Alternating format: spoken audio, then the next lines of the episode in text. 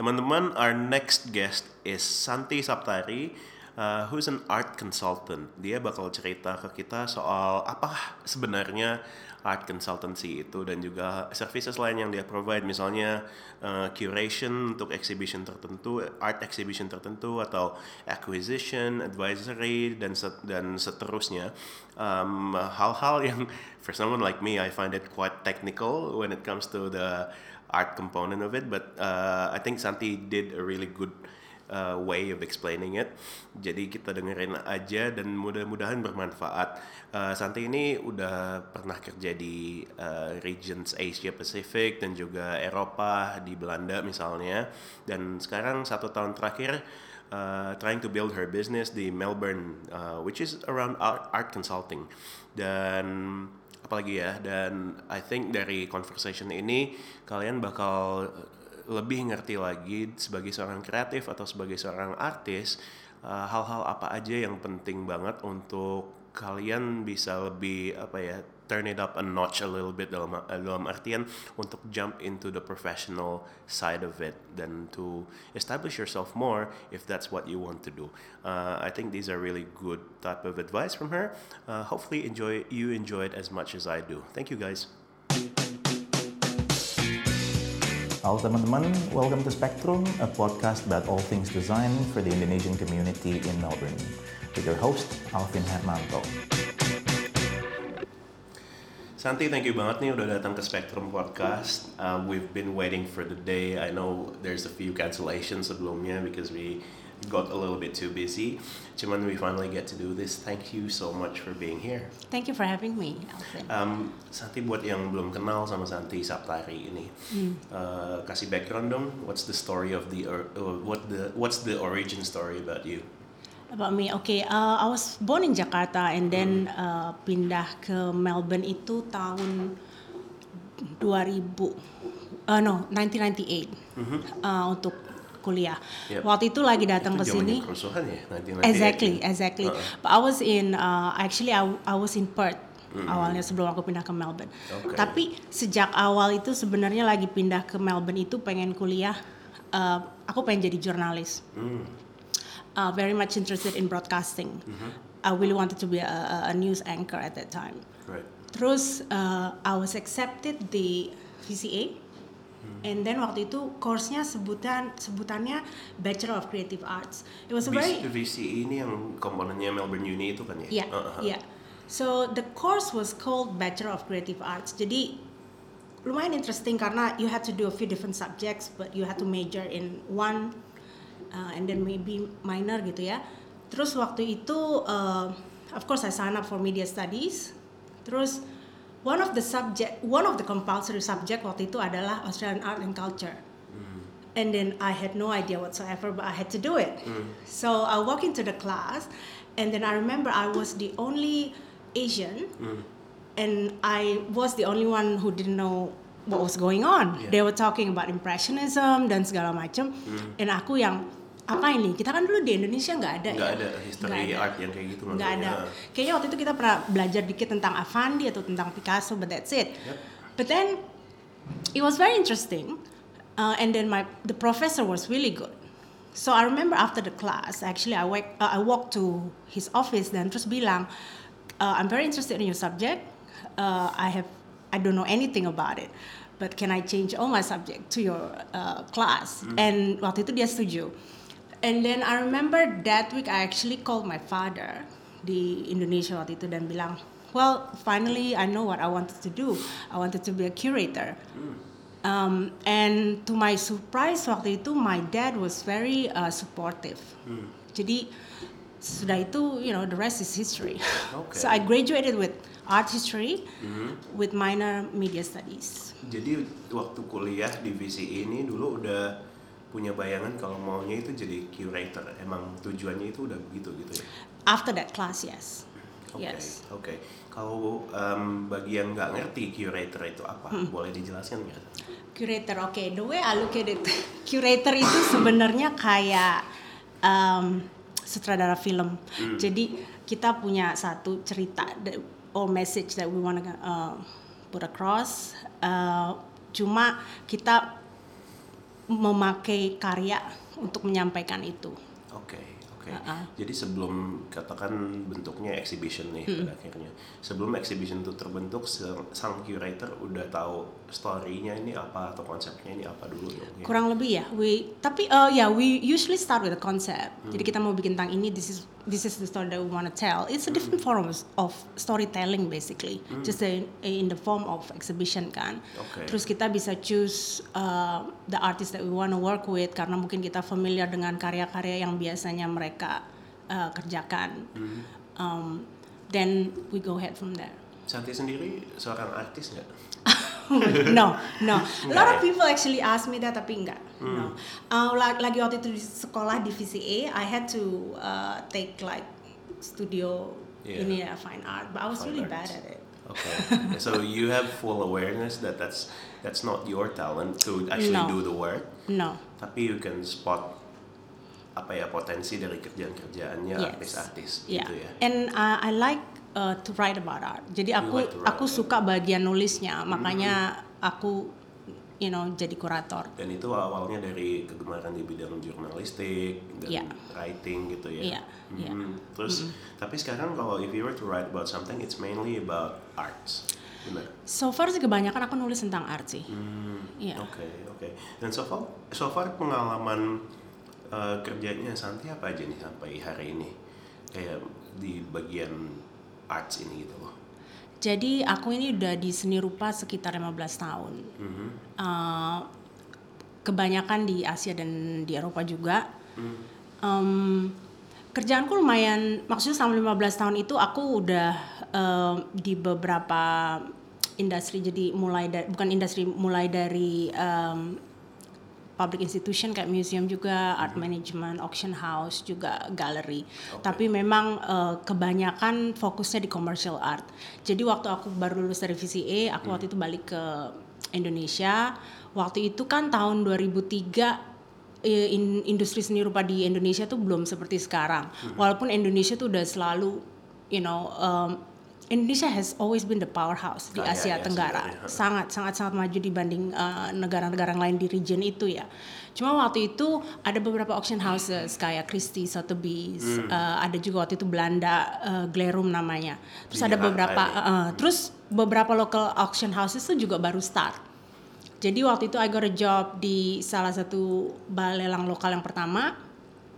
Um, waktu itu aku mulai sebagai art specialist. Jadi tugas utamanya tuh ngumpulin karya-karya untuk pameran setiap enam bulan gitu. Waktu itu pamerannya di Jakarta, Singapura, Hong Kong. Jadi biasanya karya-karya itu Asia Tenggara Hmm, yang pada akhirnya bisa dilelang gitu. yang karya akhirnya bisa dilelang gitu. I think it was a very good foundation ya, and I always recommend um, kadang teman-teman yang yang baru mau masuk di bidang ini juga gitu ya. I always recommend kamu mulai di balai lelang karena it's a really good start. You really build your foundation di sana. You you see so many artwork in a day. You train your eyes. Kamu bisa bedain good work, stylenya kayak gimana, um, asli palsunya, harganya, terus juga you're exposed to so many um, artwork dan juga clients. So you build your network di sana juga. Right. Kalau udah dari situ, then you can move on to yang lain gitu. But it's a very good foundation for the for on, untuk yang baru mulai. Nah dari situ dan waktu itu aku tertarik art education setelah kerja di balai lelang, terus aku sekolah lagi di Amsterdam. Um, waktu itu spesifik tentang museology, tentang museum studies lah intinya. Ya. Waktu itu itu membantu banget dari segi curating ya how to display terus talking about discourse terus juga apa namanya storytelling nah udah dari situ uh, I stay di Singapura beberapa tahun kerja di art management dan yang terakhir itu sebenarnya uh, aku kerja di galeri commercial uh, internasional. Jadi yang cukup besar mereka punya beberapa galeri di beberapa negara. Ya. um, itu to me was the most challenging uh, job, but at the same time it was probably the most satisfying juga ya karena um, I was the director there for like few years, managing the two spaces they have in Singapore. Um, selain managing the programming, uh, the space, tapi juga um, you know, we had to do a lot of art fairs juga. we had to deal with uh, artis yang waktu itu cukup maksudnya levelnya quite international ya kan jadi everything is on a bigger scale exhibition dan segala macam you learn so much uh, Jadi hal paling challengingnya itu dari sisi scale kerjaannya begitu ya. Scale kerjaannya Sama juga. responsibility-nya mungkin. Yes, yes. And then waktu itu my main responsibility, of course, sales, business development, dan um, client management. Mhm. So Jadi- you actually have to think about how do you create this exhibition atau this story yang pada akhirnya menjual dan arts ini ada value-nya begitu ya. Yes, tapi at the same time kita juga waktu itu as a gallery kan you have to promote like new artist juga, and then you, you always ha- harus menjadi yang set up the trend gitu loh. Kita nggak bisa ngikutin aja kan, karena if you are very good galleries, kamu juga yang promote, and then kamu yang introduce new um, artist, terus juga uh, apa namanya we nurture uh, the development of their careers gitu. Kalau let's talk about promoting new artists nih misalnya. Like what is it that galleries does buat promote new artists? Hal-hal apa aja yang dilakukan gitu? Biasanya kalau kita ngomongin seniman yang sangat muda ya, eh, mereka biasanya scout talent kan. Mereka lihat oh ini seniman baru yang kita bisa. Ini eh, biasanya they have a long term plan juga ya. Jadi mulai dari To actually grow this this Iya, artist. jadi sebenarnya two things that are very important. Satu adalah you have to build that credential. Itu yang lebih susah dalam arti you um, you have to have people bisa nulis big curators atau apa tentang that particular artist, you know, to to to tell people that she's important. Misalnya he or she is important as an artist. Terus juga um, karya-karyanya bisa sampai di koleksi di museum atau di uh, private collections yang important Iya. gitu. Uh, terus bisa masuk ke acara-acara bienal yang besar. itu yang lebih susah untuk membangun credential dia ya. Jadi itu. Yang kedua adalah ngebangun marketnya dia. Bangun market is, you know, it's all about supply and demand juga Ya, kan. Siapa yang bakal demen nih sama Yes. style yang begini gitu Yeah, ya. and then distribution juga. How many works that you know So need to oftentimes artists dan setaunya aku aja nih ya, Hmm. uh, oftentimes itu hal-hal yang justru paling challenging bagi si artis gitu when they're starting up atau all they care is mainly the work kan. Tapi reaching out to people it's very very difficult and it's Hmm. something that does- doesn't come natural to them. Yeah. Jadi pihaknya galeri atau uh, Santi sendiri misalnya sebagai Hmm. curator itu to help those kind of ini ya challenges kali ya. Iya, kalau dari galleries yes dan dan sebagai gallery slash curator juga ya. Iya, jadi sebenarnya artis itu oke kamu em, pikirin ininya aja your creative ideas. We take care of the rest. Jadi termasuk managing everything gitu kan dari scheduling, terus juga the plans kita bikinin plan misalnya mau pameran di mana, eh, seberapa sering dan sebagainya. Jadi kesannya agak lumayan partnership sih sebenarnya ya. It is, it is a artist ya. partnership. It is a partnership. Dan seberapa penting untuk sang artis itu menjadi eksklusif ke galeri gitu biasanya? Itu biasanya proses sih Eh, jadi eh, kita lihat mungkin perkembangannya dari ini kan sebenarnya it's partnership jadi harus Iya. ada rasa trust juga Tentunya ya ada kan. hal legal dong, ada paperwork Of course, like. Hmm. biasanya ada kontrak. Jadi yang itu nanti bisa diperbarui beberapa tahun ke depan misalnya begitu. Heeh. Okay. Um, uh, some of our listeners are artists dan uh, like the pattern that I see so far itu biasanya adalah gimana ya supaya uh, gue ini bisa di approach oleh seorang curator atau seorang atau bisa approach gallery. What makes menurut Santi sendiri dan pengalamannya Santi so far, what makes a good artist gitu? Gimana bisa seorang artis tuh men- menjadi punya value di mata galeri tertentu? Apa sih yang dicari gitu? Yang dicari itu to me is a few combination. Um, of course number one uh, the ideas ya, ideas dan karyanya itu harus harus bagus. Um, number two for me is uh, karakter juga ya. orangnya sendiri. Yes, it's Like, very, very important. You shouldn't be a jerk gitu. Yeah, it's it's it's very important, especially when it comes to uh, a business relationship Sure, kan. yeah. Yeah. Oke, Yeah. jadi kalau karya bagus itu maksudnya seberapa uniknya dia, Seberapa unik. differentnya dia dari karya Exactly. yang lain. It's Yeah. not like if you're a painter, but then your work is exactly the same as like a few other ones in Melbourne juga. Yeah. Gitu kali ya. And then juga harus punya visi juga kali ya. Mereka mau ke mana in the future gitu Oh, loh. oke. Hmm. Yeah, it's it's very important to have a long term vision. Where do they want to be in the next few years, for example? dan banyak orang-orang seni itu yang sebenarnya nggak gitu mikirin masa depan atau kayak planning hal-hal yang kayak yang sedikit lebih strategic oriented gitu Yeah. banyak orang seni yang kayak don't even think about it but Yeah. they immerse themselves so much in the work ada nggak tips dari Santi kayak sebenarnya if you wanna be a successful artist although you're an artist it's actually quite important for you to plan things itu gimana menurut Santi?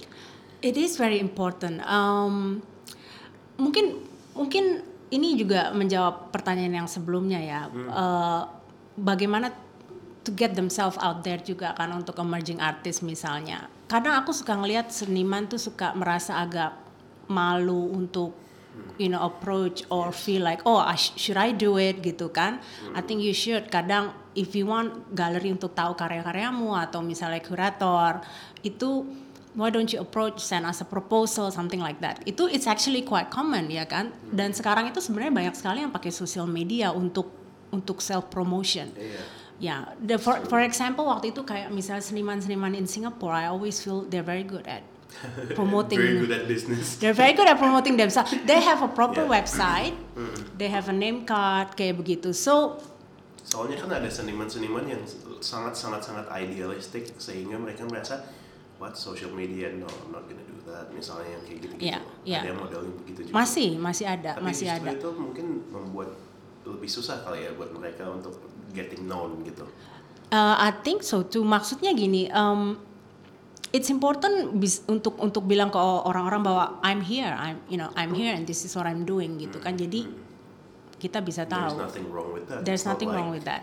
you degrade yourself as an artist kan doing things like No, that definitely not. Yeah, yeah. Oke.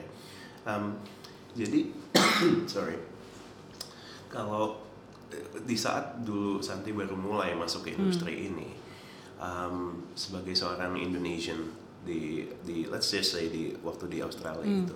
Ada nggak hal-hal yang yang keinget gitu yang challenging banget atau not really Uh, as a professional, as a professional hmm. uh, dari sisi culture atau gimana gitu ada nggak sih di lagi di Australia atau Hmm, di di atau di Asia. di, Austra- di Australia kali ya Kalau di Australia, I think um, aku kan sekarang baru setahun ya, uh, just started my business a year ago. Mungkin the biggest challenge adalah ini market yang ini market yang baru, it's a totally different market dengan Hmm, audiensnya beda gitu ya. audience beda, collecting taste yang berbeda dengan fokus yang berbeda gitu kan. Di sini masih banyak mereka fokus ke local artist juga atau nggak New Zealand. Um, se- terakhir-terakhir ada sih lebih banyak awareness tentang um, misalnya karya-karya di Asia atau internasional, tapi masih relatif kecil. Marketnya pun kecil. Jadi mm, mungkin the biggest challenge challenge adalah gimana kita expose um, secara eh, apa ya continue bahwa market di sini juga harus bisa ngelihat what's out there gitu. Because there's so much happening at the moment di Asia kan. Yeah. jadi um, exposure exposure-nya itu agak susah. Um, I think it'll take a while. Oke takes a lot of patience juga. Dan kalau artis-artis Asia, misalnya let's just say Indonesia gitu, yang punya ciri khas tertentu yang agak-agak keindonesiaan begitu, itu bisa nggak sih untuk dijual juga di negara lain misalnya Australia gitu? oh bisa Apa ada value-nya juga gitu? Ada, karena sekarang itu sebenarnya namanya art itu udah sangat internasional juga ya. Jadi eh, kalau kita ngelihat art-art event di luar itu kan juga mereka udah membawa seniman dari berbagai macam dunia gitu. Jadi kadang udah tidak terlalu bermasalah kamu dari mana atau segala macam. As long as karya kamu bagus, you're talking about what's current, ya. Then it's it's not a problem gitu. Jadi for example kayak Chinese art juga itu kan it has been very very big gitu kan karena um, they're talking about what's important. Uh, sekarang juga sekarang itu misalnya Korean art yang lagi juga sangat bagus gitu karena karya-karyanya mereka they're talking about history. Iya, ada That's- social story-nya gitu. Iya, gitu. Jadi it's actually sekarang the art market itu lebih-lebih dengan social media dan segala macam juga it becomes so international. Hmm. Okay, okay. um, we're gonna have a quick break. What, when we come back, mungkin uh, bisa kali Santi cerita soal artis-artis yang that you've come across yang yang you think they're actually doing the right thing. If you if you, if there was an, an emerging artist sekarang ini and then they feel like okay I wanna achieve more gitu. Like what are the things that siapa case study-nya nih kira-kira yang ada gitu. Oke, Bisa boleh, ya? boleh, sip.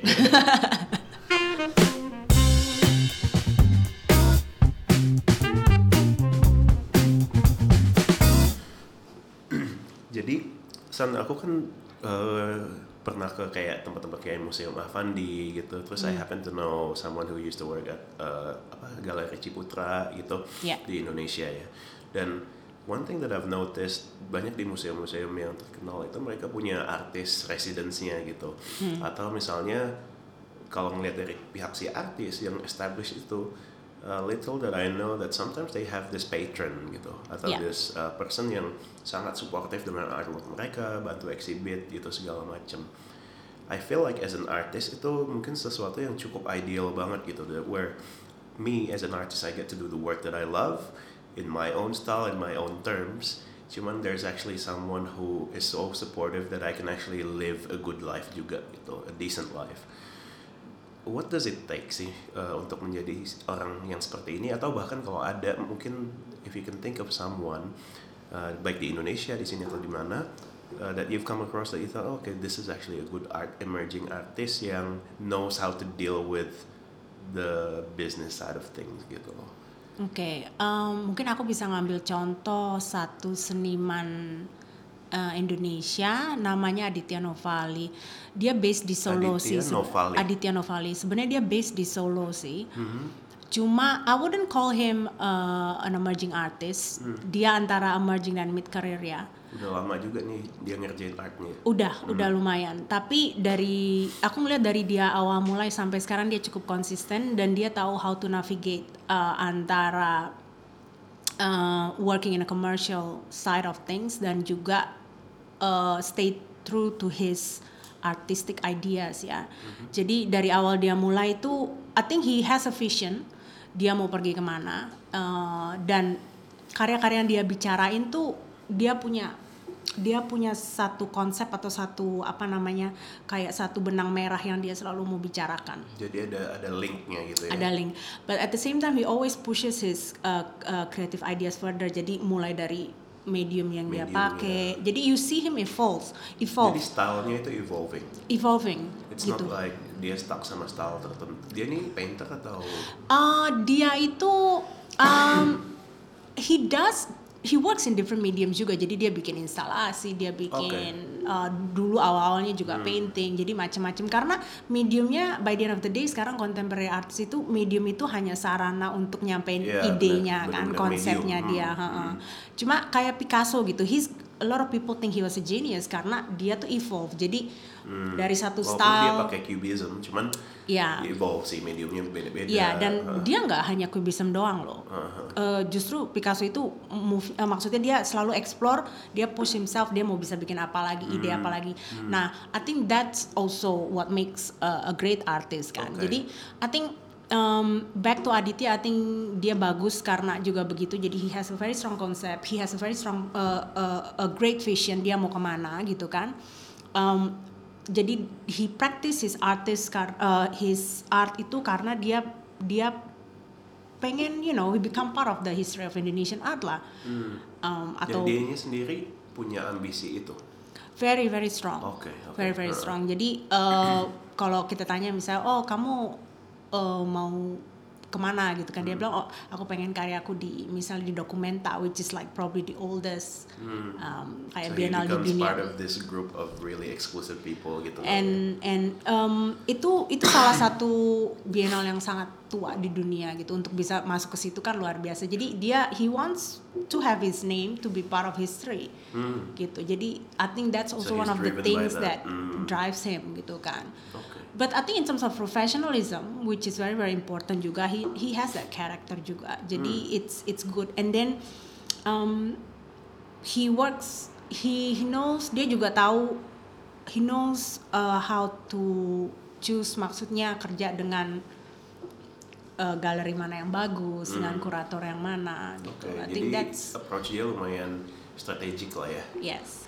Oke Yeah. oke. Dan Yeah. tadi uh, Santi nyebutin konsistensi Um, sebagai seorang artis untuk uh, lebih maju lagi dibutuhkan konsistensi mungkin tapi konsistensinya itu lebih kepada hal vision dia tadi ya konsep dia sama visionnya lebih ke itu daripada style kerjaannya sendiri. Iya, karena Begitu. kalau if you keep doing the same style, then kita mikir, waduh, kok gak ada yang berubah Nggak ya? exciting gitu. Of course, of course. Oh, karena oke. as an artist kan kita juga harus evolve dong. Mungkin kali ini kita lagi mau explore tentang ini, and then what's next? What's next? Oke. And I think as a contemporary artist, you you need to stay current of what's going on. Hmm, Ya kan, gitu. issues juga in terms of medium. you have to be very versatile. Hmm. That's true, that's true. Um, jadi eh, apa eh, hubungannya ke situ berarti seorang artis ini mesti bisa dalam tanda kutip mengadvertise diri dia sendiri se- sehingga dia disukain sama pihak-pihak tertentu yang kemungkinan bisa menjadi antara jadi patronnya atau supportive di- eh, supporternya dia deh pokoknya. Yeah, And I there's think- ada audiensnya gitu Yeah, created ya. I think advertise is probably not the right word, but maksudnya at least uh, jadi people tahu oh I'm here gitu, I'm here and this is what I'm doing Hmm. Oke. gitu kan. I oke. think that's promote, Is important. promote the right word? Ya, maksudnya apa ya untuk untuk uh, create uh, eksistensi dia kali ya. Iya. Oke. Iya. Oke. Nah, di zaman sekarang kan social media udah bagus banget tadi Santi juga pernah udah ngomong gitu. And it's so easy gitu for us to be known Mm. karena just use social media dan be try to be a bit louder than usual orang bisa nemu gitu loh. ya Uh, dan kalau hubungin balik ke si artis nih, berarti kan dengan adanya platform-platform yang seperti ini atau bahkan website-website yang will allow you to post your products gitu ya ya untuk jualan, um, itu kan jadi gampang sebenarnya buat artis untuk tell their story uh, tanpa perlu mediator gitu. Mereka can do that langsung to audience gitu. Nah pertanyaannya aku adalah jadi kalau ada galeri dan kurator sebagai penengah atau em, apa ya, ya sebagai penengah antara artis dan audiensnya, value-nya itu apakah masih sebesar itu enggak? Kalau menurut aku masih karena gini, eh, kalau ekosistem di seni itu sebenarnya cukup kompleks ya. Jadi kita juga nggak bisa bilang hanya karena faktor ini and then you become a good artist. There's so many factors in, involved dan itu secara ekosistem setiap apa ya pelaku seni di situ mulai dari kurator, eh, kolektor, galeris itu semua kan ada tugasnya masing-masing. Kadang mungkin banyak orang nggak menyadari peran pentingnya galeri itu apa. Eh, itu adalah mm, dia itu bisa nurture. I'm talking about a good gallery ya. Jadi dia bisa benar-benar eh, nurture karir satu seniman dari mungkin dari nol sampai eh, besar. Karena selain mereka membantuin bikin pameran, mungkin juga semacam sharing partner untuk untuk discussion ideas. Mereka juga think of quality control, distribution. Ini kan semua involve ya. Jadi ada ada faktor bisnisnya, ada faktor ekonominya, ada faktor ideasnya semua. Uh, tadi building credential juga kan. Terus um, mereka juga menjaga to make sure uh, karya-karya, uh, maksudnya mm, to make sure sustainability. Mulai dari financial sampai uh, produk- produktivitas dan juga supaya harganya tetap di maintain. Oke. Jadi Oke. there's so many things that they're So it's actually being doing. priced the right way gitu ya. Yeah, I think social media itu help untuk um, apa ya? Mungkin lebih kayak profile. brand. Yes, kayak put yourself out there. This is what what I have. This is the kind of work that I do dan segala macam. But um, I see tetap uh, so far aku masih melihat peran galeri itu masih penting untuk untuk nge-building long term ya. Oke, oke. Dan boleh ngomong sedikit soal financial nggak nih? Boleh. Jadi dari pihak galeri nih ya, kalau misalnya karena aku kurang tahu apa-apa nih soal bagian sini, cuman kalau misalnya dari pihak galeri mau selenggarakan exhibition gitu, Ya. em, jadi jaminan uang yang bakal si galeri dapat ini apakah dari sales itu doang rata-rata dari sales artnya itu ya. Ya, Berarti waktu inisiasi awalnya itu sebenarnya nggak gitu unless it's clear artisnya siapa dan pasti karyanya bakal jual nih. Sebenarnya nggak ada jaminan kalau ini bakal making money atau enggak dong gitu. Uh, yes, there's always a risk kan. Iya, iya. Tapi uh, makanya itu yang makanya aku melihat galeri itu memang uh, sadar akan risk itu dan dan mereka invested in that particular Hmm. artist karena mereka have faith misalnya this artist is good dan dia akan bisa go somewhere.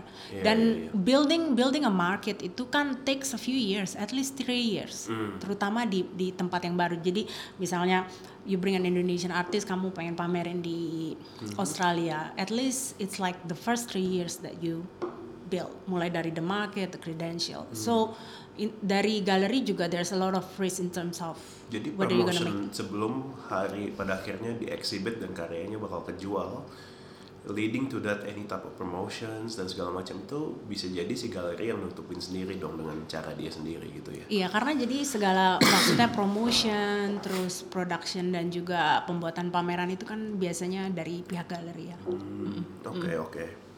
Di Melbourne em, galeri apa aja san yang bagus-bagus kira-kira like, on top of your head do you have any? Ada beberapa yang memang udah kayak become an establishment lah karena udah lama juga, kayak misalnya Tolarno. Tapi ini banyak kan mereka fokus ke Australian uh, Australian, Australian artist ya, artists, at- yeah. atau nggak New Zealand. Tolarno is quite good. Anna Swartz tentunya. Mm-mm. And interestingly, most of them are women. Yeah yeah yeah. Yeah. Because women have great empathy towards things.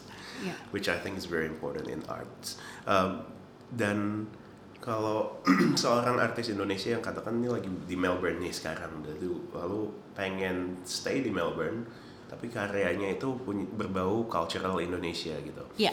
Itu bakal ada kesusahan nggak sih kalau misalnya galeri galeri di Australia itu lebih lebih strong towards hal yang Australian atau Aboriginal atau yang hal yang lebih Australian gitu.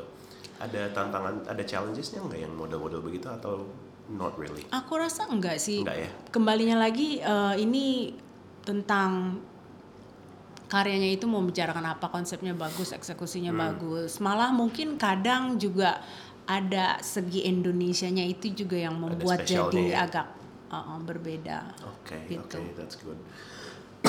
Lalu Santi sendiri ke depannya ada rencana apa nih? What is it? What is it that you're looking for, or wanting to do Hmm. mulai dari sekarang? Karena kan eh, sekarang kan aku eh, with my own consultancy itu kan I work basically lebih ke klien ya. Jadi Yeah. I work to represent clients. I work with a few clients to help them build their collection. Eh, memang fokusnya masih banyak Asia Pasifik.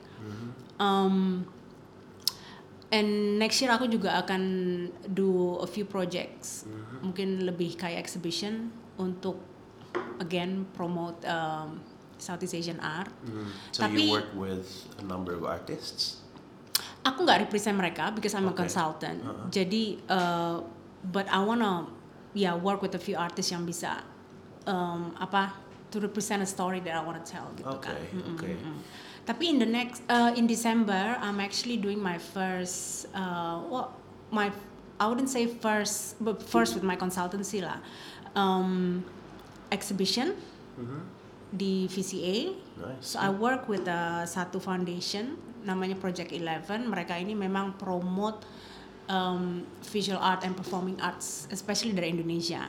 Oke. Jadi it's a group exhibition. Um, ini khusus untuk emerging artist. And temanya itu perempuan. Contemporary artist Contemporary ya? artist. Uh-uh. Jadi temanya itu perempuan.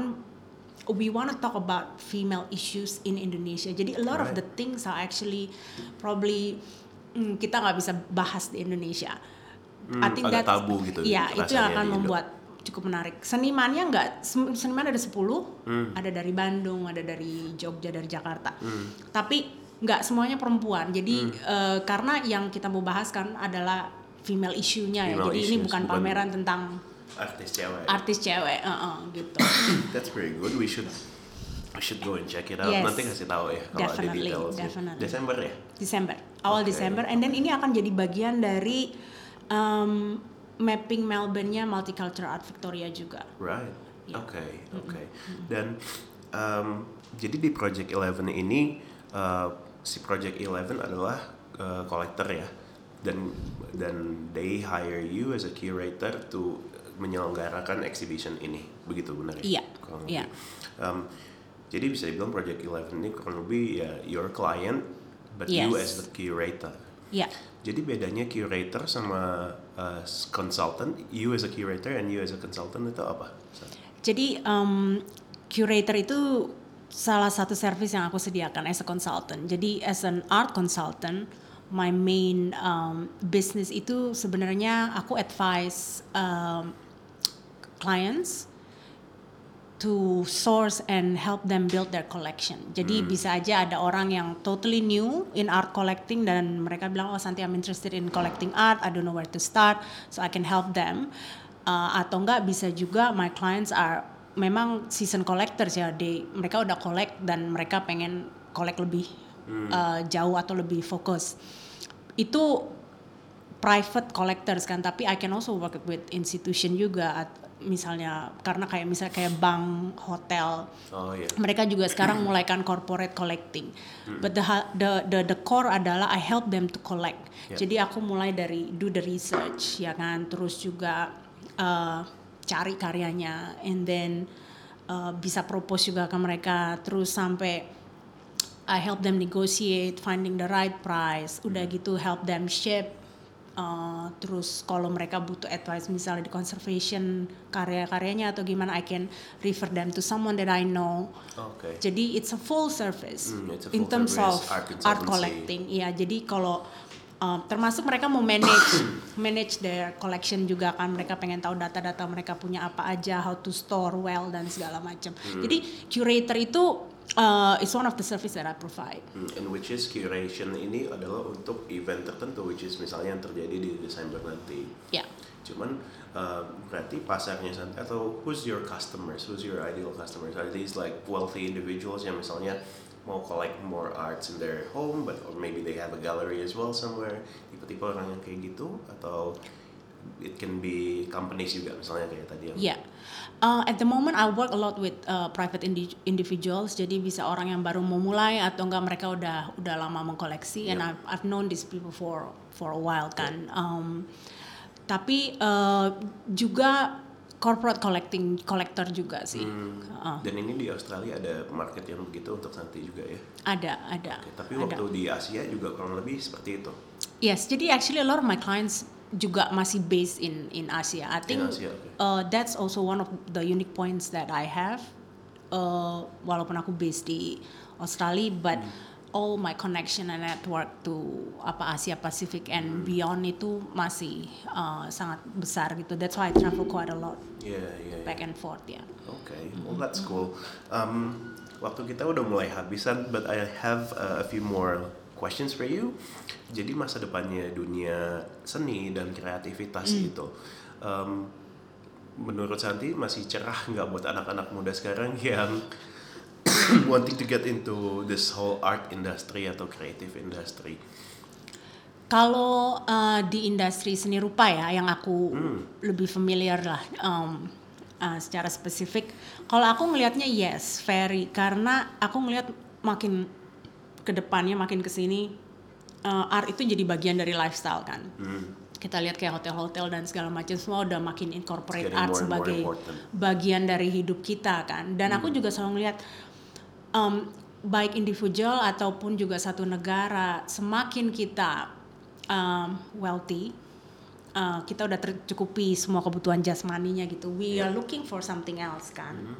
Uh, dan art itu bisa juga salah satu salah satu ini juga ya sesuatu yang dicari gitu kan. Jadi uh, you know knowledge uh, dan aku selalu ngeliat yang namanya art itu it changes your life. It it it it challenges you to think about the world ya kan? It touches you. Jadi it's something else that yang kita look for setelah all the others kayak kebutuhan kita udah udah Ya, udah ya, tercukupi. gitu ya. Mm-mm, mm-mm. dan aku kasih contoh misalnya kayak Singapura ya only in the past maybe five years kan governmentnya benar-benar push bahwa cultural capital itu penting. Mereka bangun museum dan segala macam Uh, mereka pengen menjadi center of art and culture di region itu gitu kan. Jadi to show bahwa the country Which are becoming that ya. Iya, karena cepet dengan banget lagi. cepet banget dan misalnya dengan dengan musim-musim yang bagus dan segala macam orang datang itu kan juga meningkatkan ekonomi, ya kan? Dan juga secara culture juga kan kelihatan oh they're knowledgeable, you know, um, mereka mereka tuh benar-benar pengen menjadi center uh, Asia Tenggara art dan art and culture ya. Iya. Ya, and I think Indonesia mesti ngejar banget ya. Exactly, and but sebenarnya we have so much resources kan, Oh, for sure, compared to compared to Singapore. But we see this tendency di mana-mana kan di Abu Dhabi, di mana semua. I think once individual atau enggak country udah cukup sukses, they they they go towards Iya. ke sana Iya iya iya. gitu. Um, last one is uh, kalau orang mau get in touch with you, what's the best way to do this? Uh, you can actually look um, apa ya my website, Hmm, uh, santisaptari.com atau enggak juga my Instagram with the same name. Yeah, Awesome. just drop me a line. Beautiful. Um, Santi, thanks so much for coming in and sharing with us. I think that there's a lot of really valuable things in there. A lot of it is even things that I'm sure a lot of us don't even know. It might be like uh an obvious thing for you, but banyak orang tuh banyak nggak ngerti bagian-bagian business management dari art itu sendiri, which I think is very very important. Dan kita sebelumnya udah punya guests yang artis juga Yeah. di Spectrum Podcast. And oftentimes itu pattern yang sama, which is this whole management thing is the most difficult thing. Yeah. I think you provided a lot of insights there. Yeah, thank you so much, Alvin. Thank you. Thank Thank you. you.